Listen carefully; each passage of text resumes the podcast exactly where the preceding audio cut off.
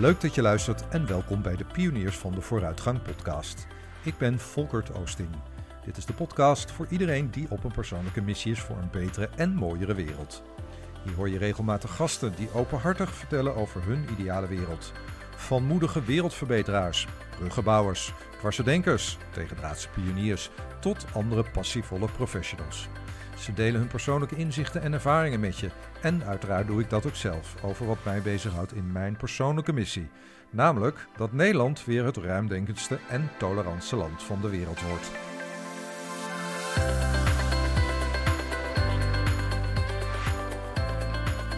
Mijn gast in deze aflevering zorgde als jongetje al dat niemand in zijn voetbalteam buiten de boot viel of aan de kant bleef staan. Nu, een dikke 50 jaar later, noemt hij dat zijn vrouwelijke kant. De kant die hij later nog wel eens zou vergeten. Als manager bijvoorbeeld. Waar hij juist vaak doorschoot in zijn mannelijke kanten. Waar hij weinig tactvol was of ongeduldig in zijn werk, zo bekent hij. Maar soms deed hij dat ook om zich te wapenen tegen onrechtvaardige situaties op de werkvloer. Hij schudde het de afgelopen decennia allemaal van zich af. Om de wereld van werk wat menselijker te maken met zijn kennis van leiderschap. Ik heb het natuurlijk over Dick Rocha. Hij neemt ons zeldzaam openhartig mee in de schaduwkanten en zonnige kanten van leiderschap. Ik vroeg hem natuurlijk niet alleen wat hij tegenkomt in organisaties, maar vooral ook hoe hij zelf de balans terugvond tussen zijn vrouwelijke en mannelijke kanten. Waarmee hij nu al decennia lang managers en professionals helpt in hun leiderschap. Ben je nieuwsgierig geworden? Luister dan even verder. Ik wens je veel luisterplezier. Hier is Dick Rocha. Dick, wat mooi. We, we schoven net aan tafel met de microfoons open. En het eerste wat je neerzette zijn er twee schaakstukken. Het zijn twee schaakstukken, ja. Ja. En ik heb niks gevraagd, maar ik ben natuurlijk wel even benieuwd uh, waarom jij in ons gesprek uh, die twee schaakstukken uh, meeneemt. Ja. ja, het is natuurlijk ontzettend leuk om hier te zijn met jou, om over zaken met elkaar te bomen. Ja, dit zijn mijn twee vrienden, die neem ik altijd mee. Sinds kort eigenlijk hoor. Hebben ze ook een naam? Uh, ik noem ze gewoon, uh, ja, mijn twee paarden. Oké. En uh, ze zijn alle twee oké. Okay. En... Waarom nam je ze mee? Ja, Want we zijn hier in Den Haag. We nemen deze podcast ja. op in Den Haag. En je zei al de straks even, het is een thuiswedstrijd. En toen kwam je met die twee paarden. Dus ik dacht nog even aan Duindicht of zo. Maar... Ja, daar, daar, ging ik vroeger wel vaak kijken op het fietsje naartoe. Ja de landscheidingsweg. En dan kijken naar de. kon je net door het hek kijken naar de paarden die daar bezig waren. Met sulkies erachter enzovoort. Nee, dit, um, deze twee paarden, deze twee paardstukken, staat eigenlijk, heeft eigenlijk te maken met, een, uh, met mijn uh, mannelijke en vrouwelijke kwaliteiten in mij. En het, uh, het, zwarte paard staat meer voor de mannelijke kwaliteiten. Dat zijn daadkracht, besluitvaardig, resultaatgericht. Er staat een rechts een zwart paard hier op een kleine tafel. En links staat een, een, een, een, een lichthouten, lichthouten paard. Klein, klein paardje. Zou eigenlijk het witte paard moeten zijn. Dan is het nog zoals, onderscheidender. Zoals je op, die op het schaakbord ziet. Hè? Precies, ja. Exact. En uh, het witte paard, of het uh, houten, meer houtkleurige paard, dat, is voor, dat zijn mijn vrouwelijke kwaliteiten. Als empathie, verbinden, luisteren, willen zorgen, willen helpen. En uh, ja, die twee die heb ik altijd bij me. En deze, dit is symboliek. En uh, ze bieden mij dus houvast om ook in dit gesprek uh, beide kanten van mezelf te kunnen gebruiken. Zodat ik en het goede verbinding met jou kan maken. maar natuurlijk ook denk aan mijn zwarte paard, die heel graag een, een zeker resultaat wil hebben of invloed wil hebben. Ja, ja, ja. en dat klinkt als een soort reminder voor jezelf. Of is het een ritueel ook? Neem je dit ook mee naar je. Want je, je, je hebt, je hebt een eigen bedrijf. Je, je hebt ook allerlei coachingsklanten. Neem je, neem je hem dan ook altijd mee? Ze zitten, staan altijd bij, uh, maar in de coaching staat natuurlijk de, de klant centraal. Mm-hmm. En dan zitten ze in mijn tas, maar ze zijn er altijd. En, en je haalt ze er ook nooit uit, die blijft altijd in je tas. Nee, zitten. want dat zou in een coaching betekenen dat het om mij gaat. En het gaat niet uh, om mij. Um, het gaat om die cliënt. En dit gaat om, dit gaat om mij. En ik zit hier namelijk ja. mezelf. Ja. Weet je, dus ehm, dit is wat mij helpt om van binnen naar buiten, in dit geval naar jou, in deze context, de, de dingen, ja, de goede dingen goed te doen, zeg maar. En hoe werkt dat dan voor jou, Dick? Hè? Want je zegt, uh, we hadden het net even over die reminder. Alsof je ergens aan herinnert, je mannelijke en vrouwelijke kant, zeg je. Kwaliteit. En kwaliteiten. Ja. Wat, wat vergeet je dan? Wie, welke vergeet je het snelst? Die, eh, die vrouwelijke kant. Die vergeet ik er snelst. Deze liep als het ware, een, eh, ik zet even het zwarte schaakstuk wat naar voren. Die liep eigenlijk heel sterk vooruit in mijn zakelijke leven vroeger. En deze kant die was min of meer verborgen, die vrouwelijke kant. Die Ja, was er wel, alleen ja, die gebruikte ik niet, zeg maar. Je zet nu op tafel zet je het, het, het, het witte paardje zet je ongeveer eh, 10, 15 centimeter achter Ja. de zwarte. Hè? Ja. En ik durf zelf te zeggen, vroeger stond hij eigenlijk een beetje zo. Met het eh, gezicht naar achteren, de andere kant uit. De rug toe. De rug naar het zwarte paard. Ah. Of het zwarte paard keerde de rug naar het witte paard, kun je ook zeggen natuurlijk. Maar die twee konden elkaar niet goed verdragen. En hoe sta je nu naar mij in ons gesprek? Welke is aan? Nou, nu eh, is natuurlijk vooral deze heel sterk aanwezig. ja. Maar ze gaan altijd samen namelijk. Het gaat om, het, althans eh, in mijn visie gaat het om, bij leiderschap en, en leidinggeven gaat het om die twee kanten met elkaar te verbinden en in balans te brengen met elkaar. Vandaar dat ik ze ook niet de een vooruit zet, de ander achteruit nu, maar ze naast elkaar zet. Ze trekken met elkaar op. Ze mogen er alle twee zijn. Daar gaan we het eh, straks vast nog over hebben. Hè? Maar, je maakt me nu ook wel nieuwsgierig ehm, hoe dat in jouw leven tot nu toe gaat met die verschillende kanten. Hè? Je, noemt, eh, je noemde net werk. Maar eh, er zijn vast nog wel meer situaties waarin jij, zeg maar, bewust bent geworden of misschien iets hebt geleerd over je vrouwelijke en, en je mannelijke kwaliteiten. Nou, kijk, als mijn mannelijke kwaliteiten eh, doorschoten vroeger, ja, dan werd het eh, voor de mensen om mij heen eh, eigenlijk wel heel onveilig. Hoe was dat dan voor die mensen? Hoe was dat? Dan drukte ik mijn zin door. Of ik wilde mijn gelijk halen. Of ik wilde dat mijn, in, het gezin vroeger, mijn vakantieidee werd gekozen. Want waar ging je graag naar op vakantie? Waar, waar, waar, waar zeurde je dan over? Nou, ik zit, ik zit het liefste zit ik op een eh, mooi resort ergens in Egypte. Waar alles eh, voor één of twee weken voor me wordt eh, verzorgd of gezorgd.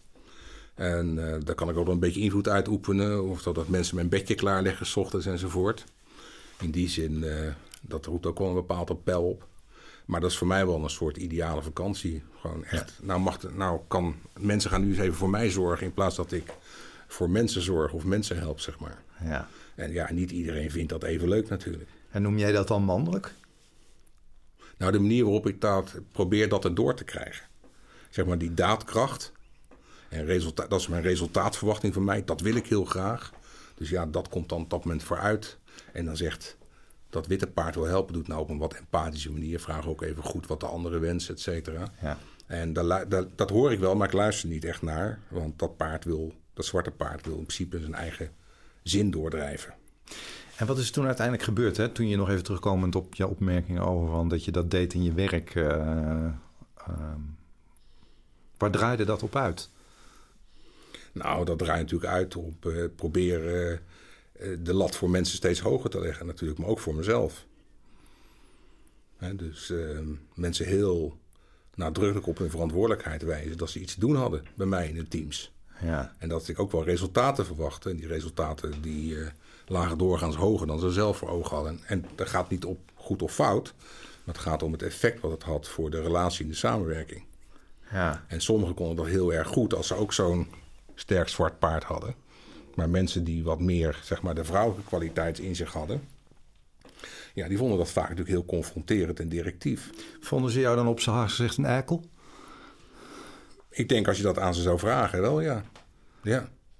Ik denk dat mensen het niet makkelijk mij hebben- met mij hebben gehad vroeger. Toen ik in die leidinggevende positie zat. Nee. Nee. Dat vonden ze best eh, situationeel heel lastig, ja. Situationeel wil zeggen. Nou, ik ben natuurlijk niet altijd zo. Maar als we bijvoorbeeld in vergaderingen zaten... ja, dan wilde ik wel dat die vergadering goed, goed verliep... en dat er resultaten werden geboekt en, en goede afspraken werden gemaakt. En dat ook nog eens een keertje in de tijd die we hebben afgesproken... de agenda werd afgerond. Dus daar zet, daar zet ik best druk op. Dat klinkt ook wel een beetje alsof je wilde scoren of zo. Resultaten. Ja, natuurlijk, ja. Ja, ja. Ja. Ja, want kijk, hoe beter ik scoorde met mijn, Ja. met mijn afdelingen, zeker voor wat betreft de financiële resultaten, ja, hoe beter dat uiteindelijk uitpakte voor mij. Dus dat ging, uiteindelijk ging het natuurlijk om mij, om mijn behoeftes, belangen en, en doelstellingen. ja. Het ging veel minder om hoe die mensen in de wedstrijd zaten uiteindelijk. Maar jij moet dan ook wel hebben gezien als mensen die eikel vonden dat ze, eh, ja, dat ze misschien bij het koffiezetapparaat gingen mijden. Of, uh... Nou, ik kreeg in ieder geval niet uh, altijd te horen wat ik zou moeten horen eigenlijk. Ah, ja. Mensen waren niet openhartig naar mij, voldoende openhartig, want ze voelden zich gewoon niet veilig genoeg. Maar voor jou dan, hoe was het voor jou? Of ging dat compleet aan je voorbij? Ik nam dat wel waar, maar ik deed er niks mee. Want kijk, dat witte paard, dat zou daarop, uh, die zou daar mee, die zou dingen in gesprek brengen, die zou dingen benoemen. En die zou gaan vragen stellen hieromtrent. Ja. Maar deze zwarte denkt van, nou, dat uh, is geen probleem. Uh, we gaan recht op het doel af. Ja. En daar moet even geen gezeur of vertraging bij zitten, want het andere vertraagt alleen maar.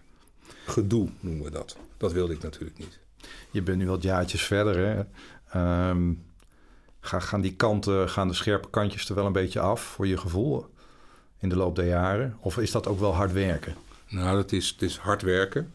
Uh, vooral uh, heel vaak uh, op, op je gezicht gaan. Gewoon op, je, op zijn haar op je bek vallen. En weer opstaan, reflecteren. Weer een keer vallen of struikelen en weer opstaan. En niet dat iemand anders jou helpt, maar dat je dat zelf doet. Is dat een vrouwelijke of een mannelijke kwaliteit voor jouw gevoel? Beide. Beide. Op dat moment werken ze met elkaar samen. Dus de, de zwarte kant, de moedige kant, die zegt: Oké, vallen is prima. En de vrouwelijke kant zegt: Ja, maar niet te hard vallen dat je builen en schrammen krijgt. Want je moet nog wel verder.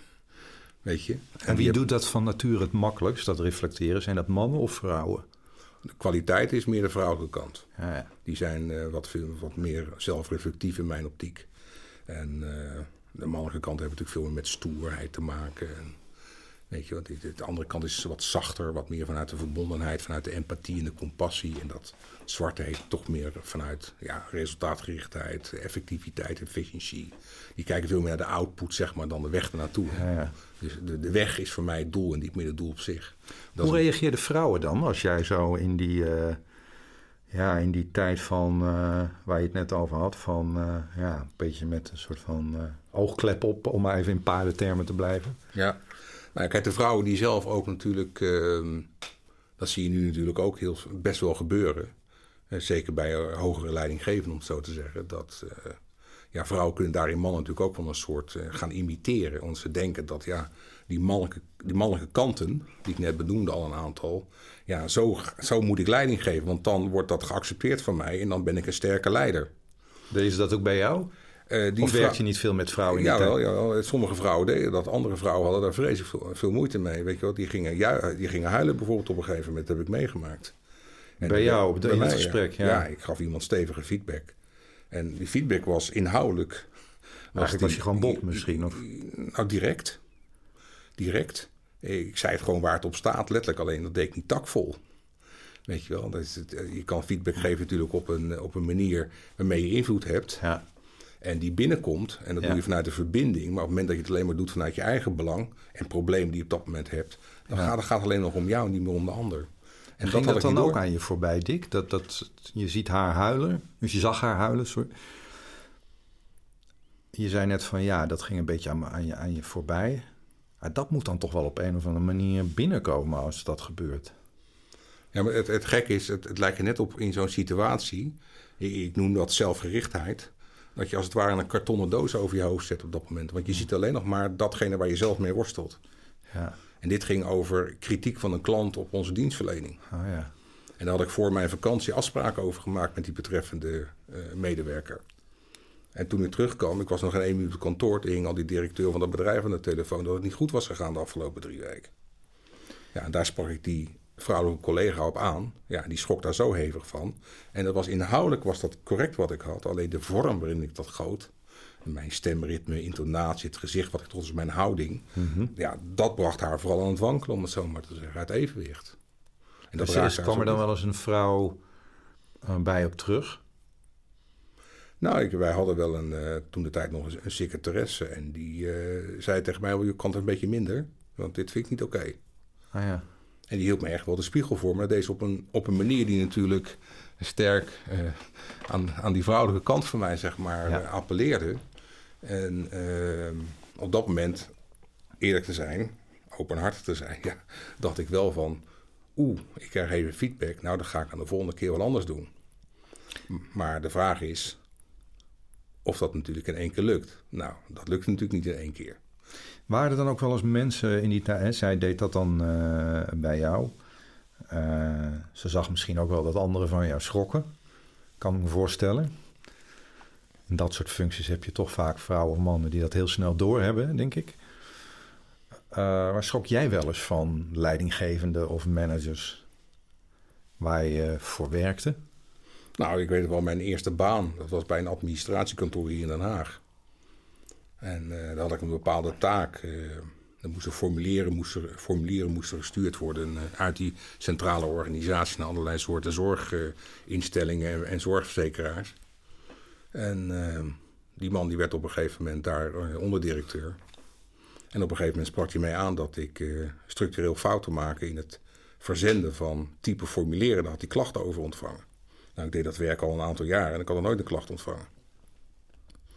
Nou, en ik, eh, ik heb alles nagekeken. En toen de tijd natuurlijk alles nog geregistreerd met eh, pen en potlood in boekjes. En in mijn idee waren dus dingen weggegumd en veranderd. Er waren bewust fouten gemaakt. Dat noem ik dan manipulatie. Want we hebben het hier over, natuurlijk over de, de schaduwkanten van leiderschap. Hè?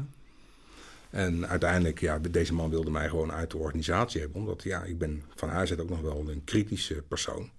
Dus ik eh, zeg nogal gauw waar het op staat. En dat zal ik in die tijd echt niet heel tactvol hebben gedaan, denk ik. Maar wat meer recht voor zijn raap, om het zo te zeggen. En uh, ja, dat vond die man waarschijnlijk uh, niet prettig. En hij was uh, toch al voorbestemd om algemeen directeur van die club te worden. Schrok je van hem of, of, wat deed het met je? Nou, ik werd er wel bang van, ja. Ik ah, was nog, ik was, is het twintig of zo. En dit had ik nog nooit meegemaakt natuurlijk. Waar schrok je het meeste van? Nou, van de oneerlijkheid in mijn ah, ja. beleving. Want er waren fouten, bewust fouten gemaakt. En ik wist zeker dat ik ze niet had gemaakt. Maar ik kon het tegendeel natuurlijk niet bewijzen. Hm. Eh, maar je krijgt wel een stempel gelijk op je voorhoofd gezet. Dus je werd heel erg in de gaten gehouden. Ik werd natuurlijk in een soort regime gezet van controle.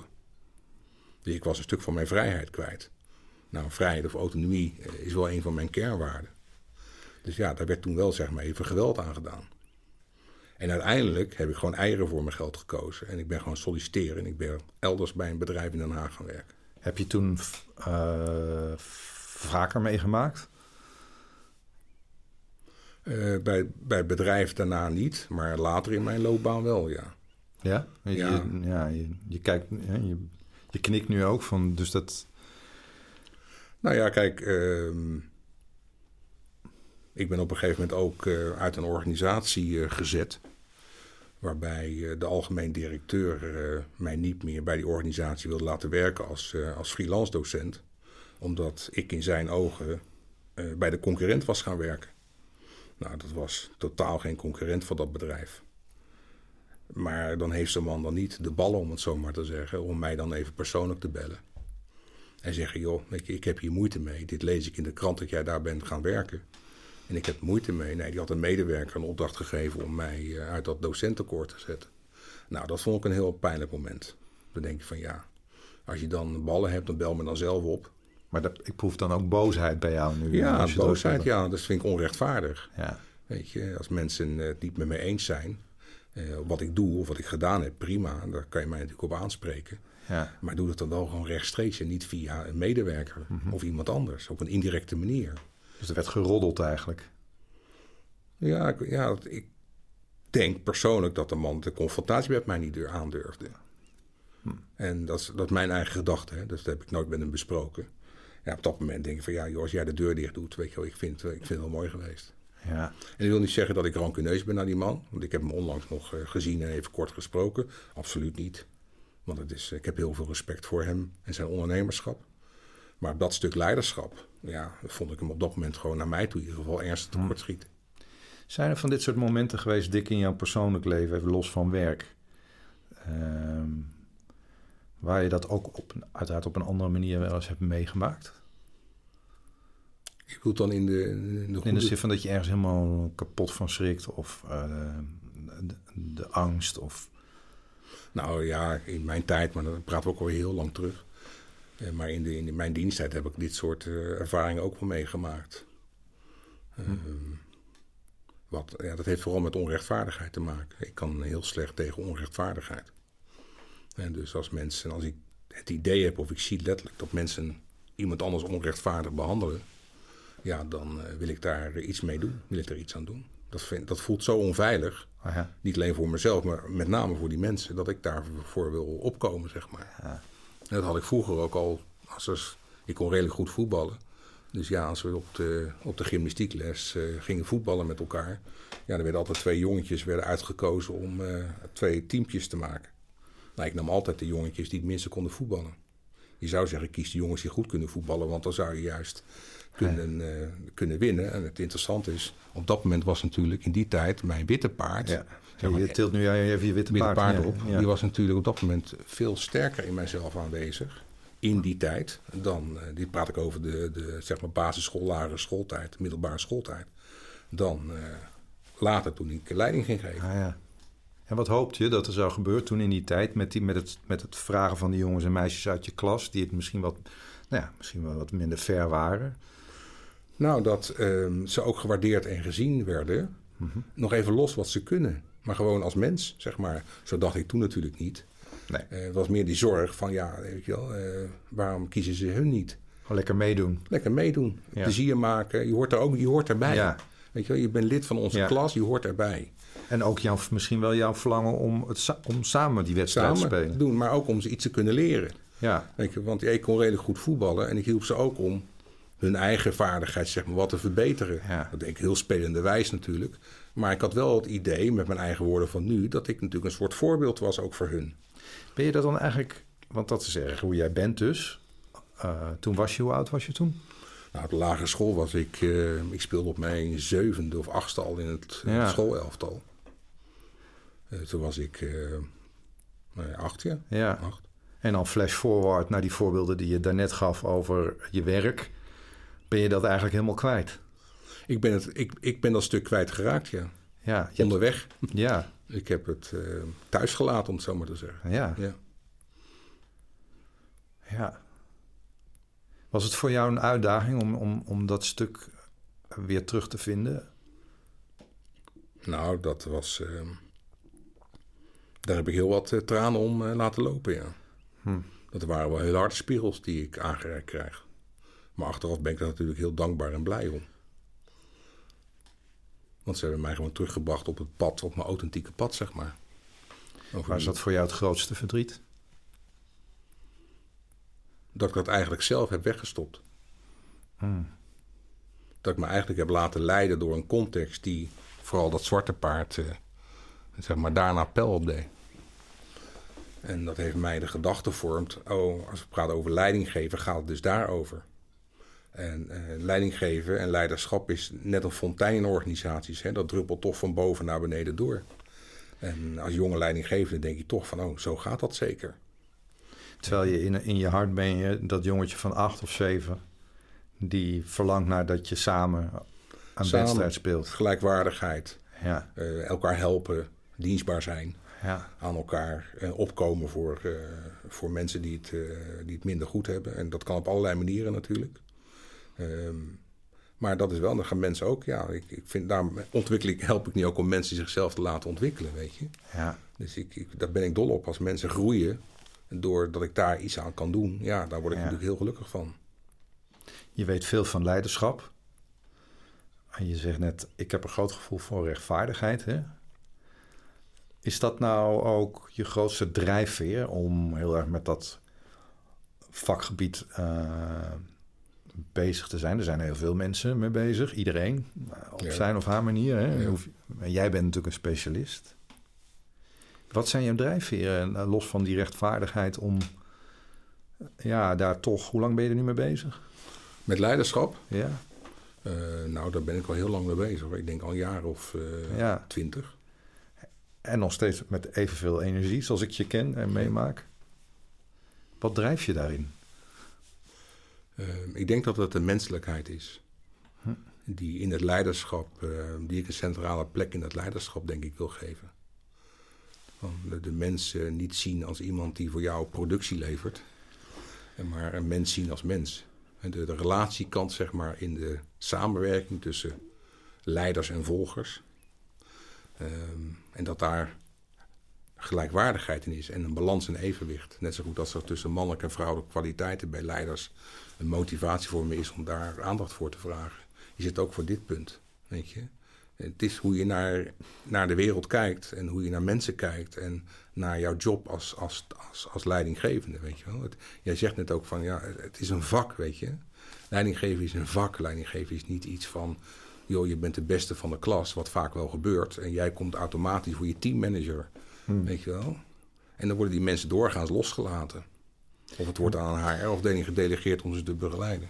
En waarom vinden we dat zo, toch zo lastig, Dick, om de ander te zien menselijkheid zijn net zoals die echt is. Dat, dat, dat, geldt natuurlijk niet alleen voor werk, maar ook in een relatie of kind-ouder. Ja. Het heeft natuurlijk altijd met een soort hiërarchie te maken en met machtsfactoren die in die hiërarchie, denk ik, een rol spelen. En daarmee creëer je natuurlijk een soort afhankelijkheid. Weet je, ik, ik kan jou een baan uh, gunnen en ik vraag daar arbeid voor terug en ik geef er daar een salaris voor terug. En als daarmee betekent ook dat ik afhankelijkheid creëer. Vervolgens vinden we het ook heel lastig om dan, als je nou een kind bent en je kijkt naar je ouder, of die nou wel of niet eh, leeft, of je kijkt naar je, je partner of wie dan ook, dan blijven toch, ook al zit je niet in een hele sterke machtssituatie, vinden we het lastig om ehm, de ander te zien zoals die werkelijk is. Niet over het hoofd te zien. Ja, ja. ja wat, kijk, hoe, kijk wat, wat, waar, waar zit dat toch? Dat vraag ik mezelf elke keer ook weer als ik er bij stilsta voor mezelf. Nou ja, kijk, eh, we, worden, we, hebben, we hebben natuurlijk allemaal een levensgeschiedenis. En we maken allemaal dingen mee, natuurlijk ook in de opvoeding en vorming. Eh, waarin we allerlei soorten normen en waarden enzovoort aangereikt krijgen en verhalen hoe dingen zouden moeten. En een stuk daarvan adopteer je, neem je mee een soort overtuiging, denk ik, of een normering. Ja. En, ja, en dan meet je heel veel dingen natuurlijk aan af, onbewust. En uh, als jij dus denkt, heel zwart-wit geformuleerd, als jij denkt dat leiding geven betekent uh, mensen een bepaalde richting induwen, uh, dat betekent dus dat je aan die mensen eigenlijk vraagt of zegt: Ik ben de sterke leider, volg mij maar. Maar waarom zouden die mensen jou volgen? Begrijp je? Waarom is een goede vraag? Waarom, waarom volgt een medewerker een leider? Waarom doet hij of zij dat? Dat is een belangrijke vraag. Maar wat, wat, wat gebeurt er dan, om even de stap ook te maken naar jouw dagelijkse werk hè, in leiderschap? Wat gebeurt er dan? Wat zie jij Ehm, als iemand allerlei ingrijpende gebeurtenissen in zijn leven heeft meegemaakt. Jij spreekt vaak ook in jouw rol op deze manier met mensen, heel persoonlijk. Wat gebeurt er dan du moment dat ze een manager worden of een directeur? Of... Weet je, dat, dat kan natuurlijk best wel een hele sterke intrinsieke motivatie zijn om dat te worden. Hè? Maar het kan ook natuurlijk wel zijn dat vader of moeder altijd op een hogere positie heeft gewerkt. Of je hebt in een sterk competitief gezin met elkaar geleefd, waar altijd het was van, nou ja, wie haalt hier de beste cijfers op school, weet je wel? Wie heeft hier de grootste mond aan tafel? Kan zijn. Hoe was dat bij jou, als je daar zo op die manier naar kijkt? Nou, maar ik, ik had een hele strenge moeder oh ja. en een hele zachtaardige vader. Oh ja. En ehm, dat, dat was geen balans. Weet je, mijn moeder die had wel de broek aan, om het zo maar te zeggen. En die kon ook uh, best heel stevig zijn, ook fysiek stevig zijn, slaan echt. Maar dat was bij mij op school was het ook gebruikelijk dat je af en toe eens even een knal voor je kop kreeg. Of met een, met een, met een uh, weet zo'n ding, zo'n meetlatje op je vingers. Uh. Zou er tegenwoordig dan de hulpinstellingen op de stoep staan, denk je? Zou, nu zou zo'n iemand daarvoor worden aangesproken, ja. En nog sterker. Ja. Dus dat moet wel heel onveilig zijn geweest. Nou, dat was ook wel onveilig, want ik ja, met alle respect voor mijn ouders, maar ik had natuurlijk heel weinig steun aan mijn vader. Ook omdat hij gewoon altijd met werk bezig was. Ja. En uh, ja, die hield niet van conflicten, dus ging dat natuurlijk uit de weg. Hè. Dat zeg ik met de wetenschap van nu, want ik heb daar natuurlijk heel diep op, uh, ben ik daarop ingezoomd, heb ik er ook over geschreven voor mezelf. Hoe dat is gegaan, weet je wel. En ik heb er ook hulp bij gehad om dat in kaart te brengen.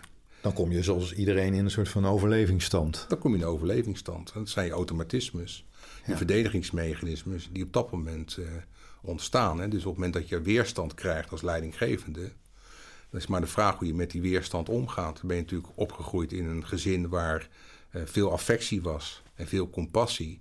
Dat jouw emoties en gevoelens altijd de ruimte kregen. Dan heb je dat ook geleerd te accepteren. Zul je op een andere manier omgaan met weerstand van in dit geval medewerkers als je op zo'n leidinggevende positie zit. Dan als je gewend daar, als daar tegen gevecht moet worden. Gevochten, sorry, ik zeg gevochten moet worden. Hoe groot is die groep, denk je, die in de, eh, van leiders of managers, bestuurders die in de overleefstand staat op deze manier? Weet je, ik denk dat dat ook heel situatieafhankelijk is. Als het goed gaat in een organisatie, weet je wel, en de resultaten Maar zijn dan goed. even een soort van, eh, misschien een scherpe vraag, maar eh, er zijn natuurlijk heel veel coaches en specialisten en leiderschapsdeskundigen. Die zijn natuurlijk niet voor niks. Ja, er is natuurlijk een hulpvraag, om het zo maar te zeggen. Ja, En ehm, ja, mensen die, die voelen zich natuurlijk of niet lekker in hun vel zitten. Eh, ze weten niet heel goed hoe ze met ehm, hele kritische mensen in hun team moeten omgaan. Ja. Of juist over mensen die heel weinig zeggen. Hè, maar wel achter de schermen heel veel invloed hebben bijvoorbeeld. Of over als er geroddeld wordt in een team. Je hoeft niet altijd een manager te zijn. Je kunt ook een professional zijn die... Je kan professional Ja. zijn, in een project zit, et cetera. Weet je wel, en ja... ehm, Is dat dan die mannelijke kant waar jij... Nou, kijk, we moeten wel een onderscheid maken, ook in dit gesprek in mijn beleving, tussen zeg maar wat ik noem eh, de, de zonnige kant van leiderschap, Ja. waarin leiderschap openhartig en effectief is. En je hebt natuurlijk een schaduwkant van leiderschap. Ja, En ik wil er een beetje voor waken, ook in dit gesprek, dat we veel over die schaduwkant hebben. Ook- Ik heb ook heel erg in mijn eigen schaduwkant gestaan, daar heb ik net een aantal voorbeelden van gegeven.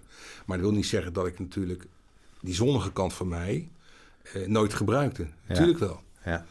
Alleen als het spannend en lastig wordt, dan vallen mensen vaak terug op die automatismes en op, dat, op die verdedigingsmechanismes. En daar zit natuurlijk vaak angst achter, of boosheid, of frustratie achter. Maar natuurlijk ook hele diepere herinneringen tot aan trauma's aan Ja. toe vanuit de jeugd. Wanneer ben jij op je zonnigst in die rol? Ehm, nou ja, weet je, eh, ik had toevallig gisteren eh, contact met iemand. En die heb ik, ik denk een jaar of 10, 15, nee zeg ik dat goed? 10, 12 jaar geleden een les, keer les gegeven. En die volgt mij nog steeds op mijn LinkedIn-post. En die belde mij op met een vraagstuk die bij een haar organisatie leeft.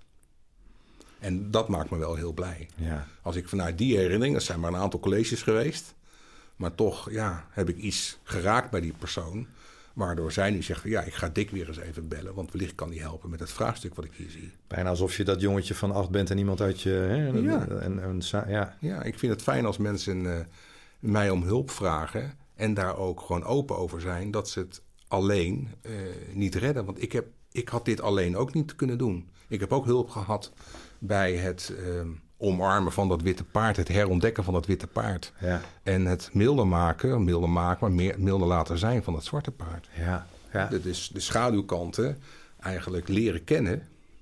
En verborgen kanten van mezelf weer leren activeren. Klopt het dan dat je eigenlijk ook zegt van... Zo pik ik het ook een beetje op... dat je bij die zonnige kant weer uitkomt... als je meer ruimte creëert voor die vrouwelijke... dat witte paard, die vrouwelijke kwaliteiten. Ja, En geldt dat dan evenveel voor mannen als voor vrouwen? nou dat geldt voor mij zo. Eh, maar ik, ik heb wel een soort overtuiging als, als leider. Kijk, dat, dit kun je namelijk ontwikkelen. Weet je wel, als je dat wil, dan kan je... bijvoorbeeld als vrouw, om maar even zo even neer te zetten... als vrouw kan je ook eh, sterk je mannelijke kanten gaan ontwikkelen. Als En- iemand en die nu luistert zich afvraagt van hoe doe je dat dan? Ik, ik, eh, is, dat een, is dat een heel proces of zeg je van nee, er zijn soms eigenlijk al gewoon een hele, het kan in hele simpele dingen zitten. Weet je wel, ik, ik ben gek op verhalen van mensen. Ik werk met zelfverhalen, hè, de narratieven van mensen. Ja, En in die narratieven, zoals wij ook dit gesprek voeren, daar zit gewoon heel veel materiaal in. Wat ik als coach natuurlijk gebruik. Ik hoor drijfveren van mensen, ik hoor levensgeschiedenis, ik Ja. hoor over de familiedynamiek, hoor ik het Ja. een en ander. Ik hoor natuurlijk van over een loopbaan, lees ik wat, hoor ik wat. Eh, waar ze mee worstelen, hoor ik wat. Of wat lekker gaat, dat hoor ik natuurlijk ook. Daar vraag ik ook bewust naar. Want dat is natuurlijk ook, hè, we zijn wel gewend om een beetje op die, eh, op die pijnlijke plekken te drukken natuurlijk. En dat is ook goed, maar er gebeurt natuurlijk ook heel veel goeds. Hè? En wie, en wie, wie bedoel je dan? We zijn gewend? Nou, in Nederland zijn we natuurlijk best wel gewend Oh, ja. om, eh, om altijd maar over verbetering te praten en verandering te praten. Maar soms ook het vingertje misschien nog Het net- vingertje, een beetje moralistisch. eh. En dan Ja. zijn we ook een beetje cynisch over het liefst, weet je wel. ja, ja. En, ehm, maar uiteindelijk hoorde vanochtend ook weer op de radio. Zijn wij best wel natuurlijk een heel volgzaam volkje. Laten we eerlijk blijven. Alleen het moet niet te lang duren. Kijk naar de coronacrisis. ja.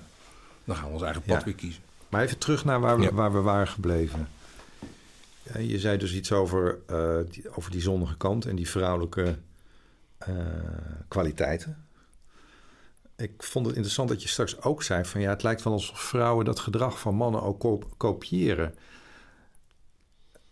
Eh, ja, denken, denken mannelijke leiders en managers, jij ziet er heel veel. Schat ik maar zo in. ik, als ik, het, ik, ik, ik trek het graag een beetje uit elkaar. Hè? Kijk, als, als vrouwelijke leiders die mannelijke kwaliteiten heel erg inzetten... dan wordt vaak tegen dat soort vrouwen gezegd dat is een bitch. Ja, een soort van kenau. Oké, nou. En als die mannelijke leiders meer hun vrouwelijke kanten laten zien... dan zeggen anderen, dat zijn vaak mannen... ja, een softie. Ja. Begrijp je? En dat heeft dus te maken met die diepe liggende stereotypering... die natuurlijk in onze hele cultuur bestoten ligt. Hè? Als jongetje, dan moet je stoer zijn, lef hebben... de grenzen kunnen verplaatsen, resultaatgericht zijn, doelgericht zijn. Ja, en meiden worden natuurlijk vooral opgevolgd... nog steeds met een beeld van... ja, je moet zorgzaam zijn, helpend zijn, dienend zijn... weet je wel, luisteren... Ja, en dat zijn ook stereotyperingen. Die beelden leven nog steeds in, in, in onze cultuur natuurlijk door. En die nemen mensen ook mee in hun opvoeding Ja. natuurlijk. En dat gaat wel veranderen. Alleen ja, ik denk dat daar een x-aantal generaties overheen gaan. Want de jongere generatie professionals is natuurlijk ook anders opgevoed. Er gaat ook veel zelfonderzoek eh, Ja. overheen, toch? Heel veel zelfonderzoek, ja. ja. En Is dat, is dat nou iets, daar vraag ik me oprecht wel eens af. Ehm, wil je echt zeg maar naar die zonnige, hè, alle voordelen van die zonnige kant plukken? Is dat zelfonderzoek dan echt iets waar je tot het naadje van de kous moet gaan of zegt all the way? Of is een cursus of... ehm, ja. ik hoorde daar laatst een interessant gesprek over van... Ja... eh, het is, het, cursussen zijn goed en coaches zijn ook goed, maar het is een levenswerk eigenlijk. Het is, ja, het is bijna levenskunst, ja. Ja, Ik denk dat het wel is. Zelfonderzoek is, is heel belangrijk, ook om jezelf te kunnen blijven reflecteren. Weet je, ik zeg wel eens even in een. eh, ik heb ook een sterke docent in mij. Die zegt wel eens van ja, we hebben het altijd over leiding geven. En we hebben het heel weinig over leiding ontvangen. Net zo goed als we heel veel praten en boekenkasten volschrijven. En op het internet is alles te vinden over leiderschap, maar over volgerschap heel weinig. Wat gebeurt er als je leiding ontvangt? Hoe ziet dat eruit? Nou, dat heeft dus te maken met acceptatie. Weet je wel, als, wat maakt als jij mijn leider bent, of mijn manager bent, mijn teammanager bent, wat maakt dat ik jou accepteer? En dat ik jou ook volg. Maar dat ik ook eh, mijn ideeën, of mijn kritiek of feedback op jouw gedrag mag geven. Ja. Weet je wel? En ik denk dat moedige volgers uiteindelijk ook hele sterke leiders helpen te ontwikkelen.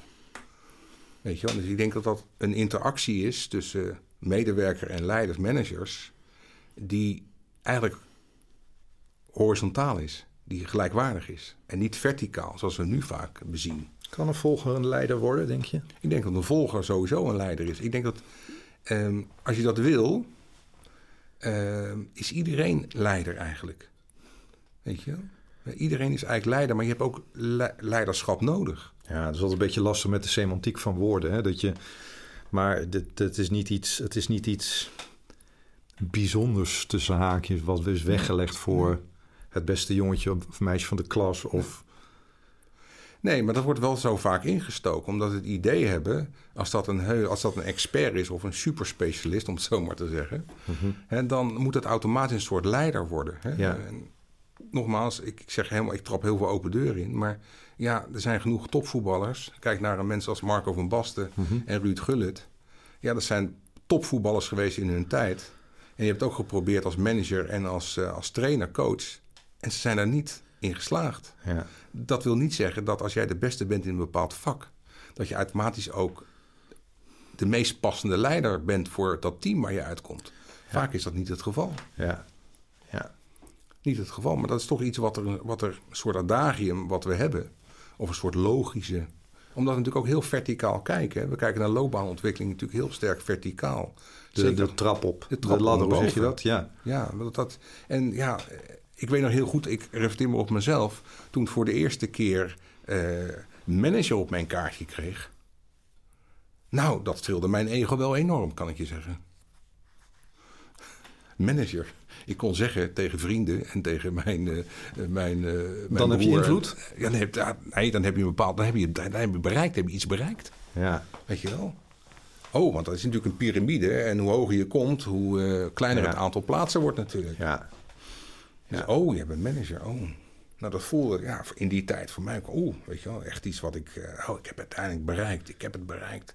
Maar je- waarom heb je het berei- bereikt? Natuurlijk omdat de samenleving hè, iets als een soort van norm eh, neerlegt. Maar snakken, er is zich misschien een gewetensvraag, eh, ik weet niet hoor, maar dit, dit- is- gaat dat ook over ehm, invloed hebben? Zo van als dat op mijn kaartje staat, dan, dan heb ik invloed en heb ik macht. Omdat je straks ook het over macht had. Zeker. Zeker, natuurlijk. Ja. Je krijgt Dat is er heel primitief eigenlijk, hè? Primitief in de zin van dat zit ook in een soort van. Is dat die mannelijke kant misschien? Dat is die mannelijke kant, ja. Ja. Dat is die mannelijke kant, ja. ja. Eh, in ieder geval, in mijn mannelijke kant is dat zo, denk ik, ja. ja. ja.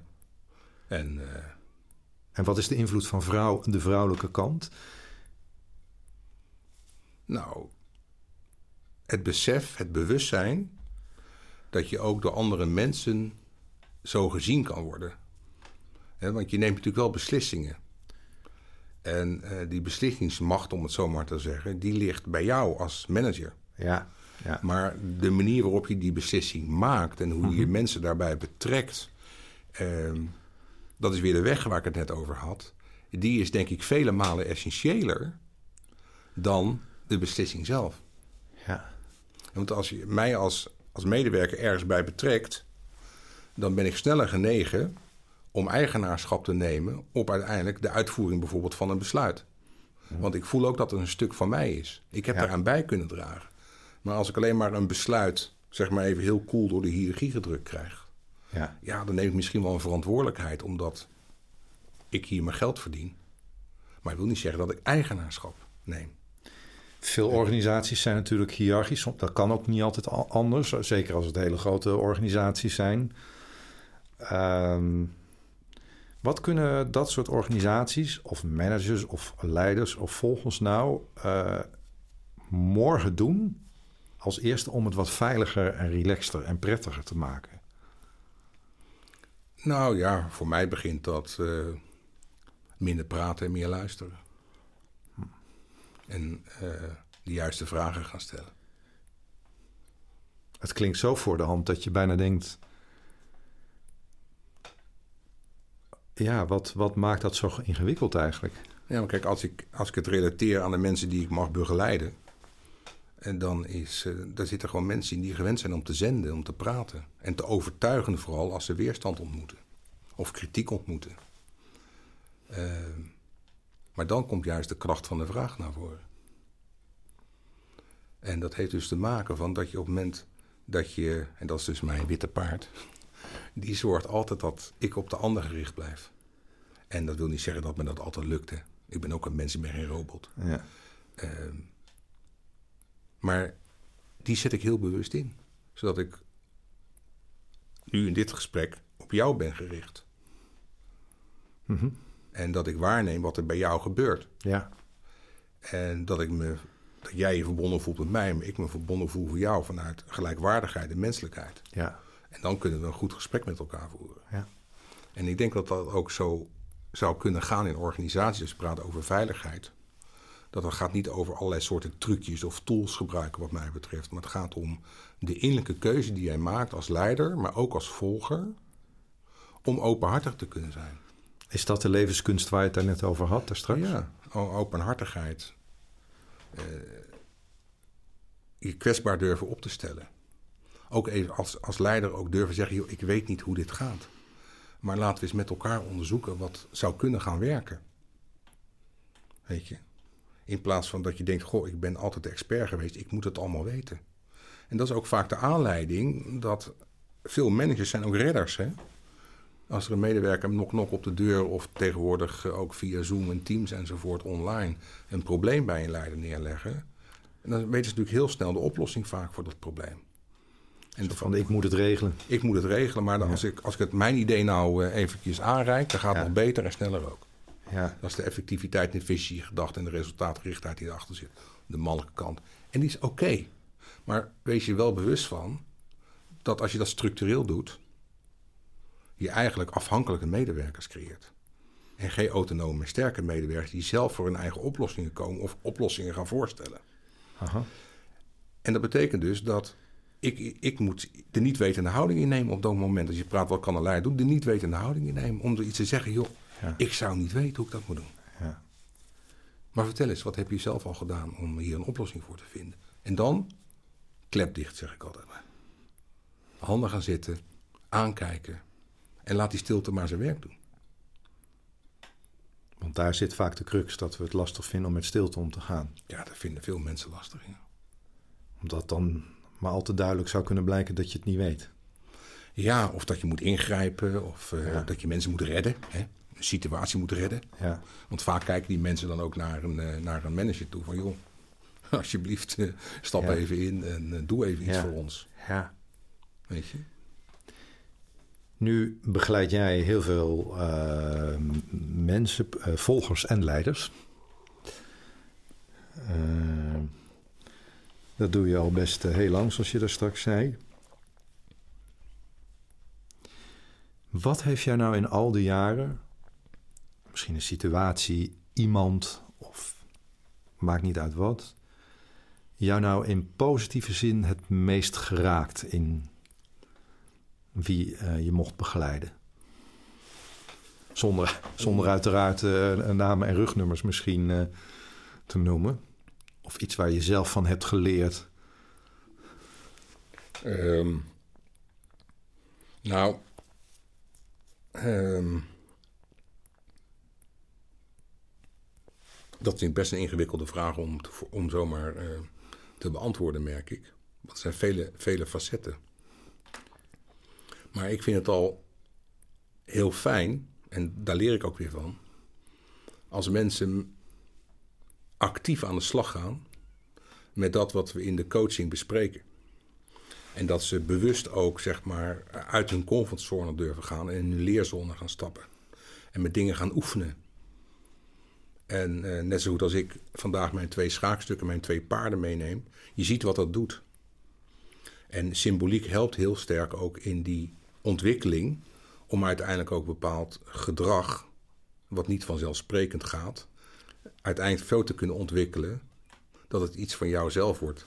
Dus eigenlijk raakt het je dat, mensen, dat je mensen steeds uh, op onbekend terrein ziet stappen? Ja, zelf hè? Ja, zelf. Ja, en dat ik hun gids mag zijn. Ja. Uh, maar zij gaan het doen uiteindelijk. En wat raak je daar zo in, Dick? Uh, dat...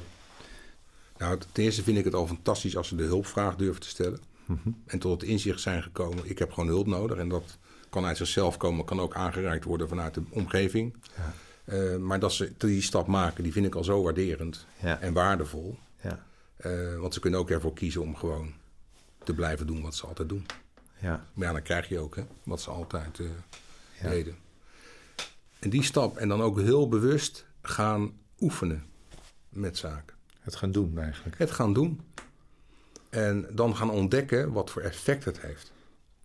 Hè? En uh, daar medewerkers ook bij betrekken. Om heel open te zijn naar mhm. medewerkers, als we het over openbaardigheid hebben. Mhm. Ja, ik, word, ik zit in een coachtraject. En ik word op dit moment ben ik bezig met die coachvraag. Hè? En uh, dit is eigenlijk wat ik ermee wil bereiken. En dit is waarom ik ermee aan de slag ben gegaan.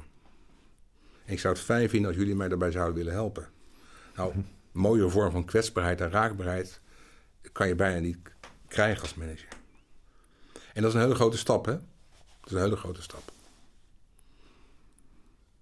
Ja. En de grootsheid van de stap zit voor jou in? Nou, weet je wel, dat ze, dat ze mij bellen bijvoorbeeld tussentijds. We hebben tussentijds ook altijd de e-coaching. En dan zeggen, joh, het werkt. Ja, ja. Het werkt. weet je wel? Ik krijg zulke mooie reacties terug. Weet je wel, ik krijg complimenten terug. Wauw. Nou, dat soort, ja, daar kan ik ontzettend blijven worden. Ja, Weet je, ja. dat is het mooiste eh, wat ik in mijn werk eh, Ja. kan realiseren. En nog mooier is natuurlijk als je het over... Ik heb tijdens van die onderhoudssessies, hè, één of meerdere keren per jaar met, eh, met mensen die ik heb begeleid. Dat ik zie dat het echt daadwerkelijk ja, bijna, bijna ingesleten gedrag geworden is. Hè. Ja. Ja. Dat ze het bijna automatisch doen, zeg maar. Oh, nu, nu moet ik even luisteren. Oh, nu moet ik even een grens stellen. Oh, nu moet ik een kader aanreiken. Dat soort hele bewuste denkprocessen. Hè, dat het denken, voelen en handelen zo met elkaar verbonden is en geïnternaliseerd is, beklijfd is.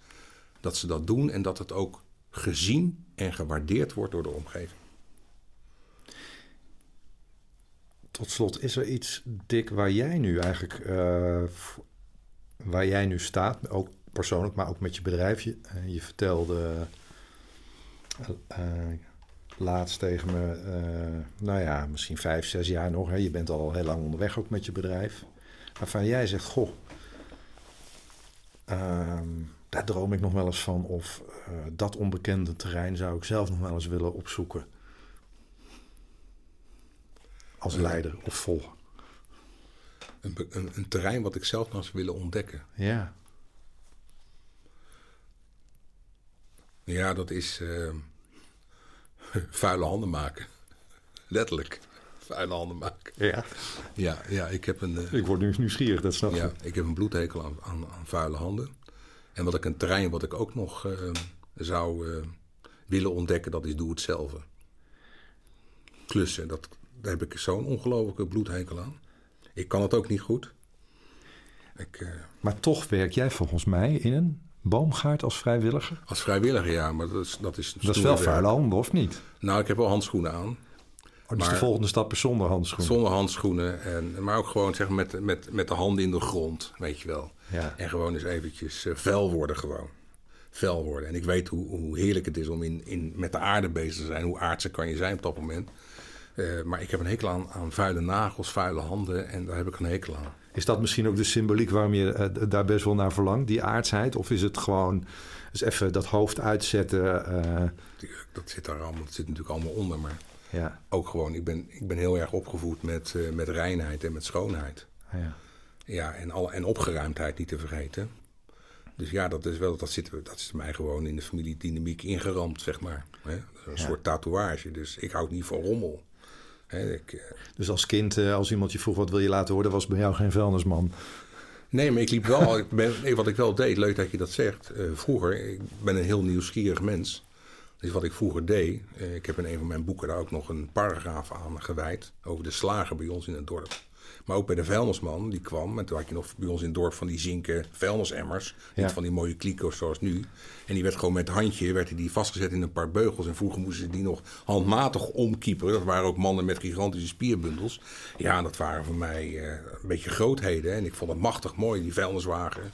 Die mannen die daar eh, zo met zijn checkie in zijn mond en zo'n alpino petje op, weet je wel. Die grote vuilnis, die, die blikken dingen beetpakte en dan leegkieperde. Weet je de lucht, de vuile lucht die eruit kwam. Dat vond ik buitengewoon spannend. Dus ik zoek altijd wel een beetje die controverse op bij datgene wat ik thuis meemaakte. En eh, bij de slager vond ik het fantastisch om te zien hoe paarden daar werden uitgelaten. een paardenslager. En die slachtte zelf nog zijn paarden in die tijd. Ja, dat vond ik magnifiek hoe hij dat deed, vergeleken bij de man, zeg maar de verkoper van die paarden. Ja, dat was eh, zo snel mogelijk die paarden, die, die, die, die, dat, die vrachtwagen uit. Maar die slager begeleidde die paarden helemaal. Die was heel dienend aan die paarden. En die verzorgde die paarden ook heel goed voordat ze eigenlijk werden gedood en En geslacht dat intrigeerde jou. integreerde mij. Of wij hadden ook nog vroeger in een van onze buurten in het dorp hadden we veel buurtwinkeltjes. Een slager, een groenteboer, een klein kruideniertje, maar ook een schoenmaker, een schoenlapperij, heette dat vroeger. Nou ja, die man zat bijna zeg maar in de etalage. Zat voor het raam. Dus ik pakte mijn fietsje van huis en ik ging op woensdagmiddag ging ik een aantal van die bedrijfjes langs om te kijken hoe bijvoorbeeld zo'n zo'n schoenmaker de schoenen lapte. Dat vond ik magnifiek om te zien. Echt ambacht. Echt ambacht, ja. Dus daar ligt wel een, een stuk van mijn verlangen. Dat doe het zelf is natuurlijk ook een ambacht. Ik Ja. beheers dat totaal niet. En ik vind het ook niet leuk. Weet je, ik heb er ook geen plezier aan. Maar je hebt wel iets met ambacht. Ik heb wel iets met ambacht, ja. Ik, heb, ik vind leiderschap ook een ambacht. Ik wou net zeggen, net als leiderschap waarschijnlijk. Ja, dat is een ambacht, ja. Ja. Dick, dankjewel. Alsjeblieft, wat fijn om hier te zijn, eh Volkert. Dank je. Bedankt voor het luisteren. En ik ben natuurlijk heel benieuwd naar je reactie op wat we allemaal hebben besproken. Laat het me weten en stuur me een berichtje via mijn social media. Facebook, LinkedIn of bijvoorbeeld Instagram.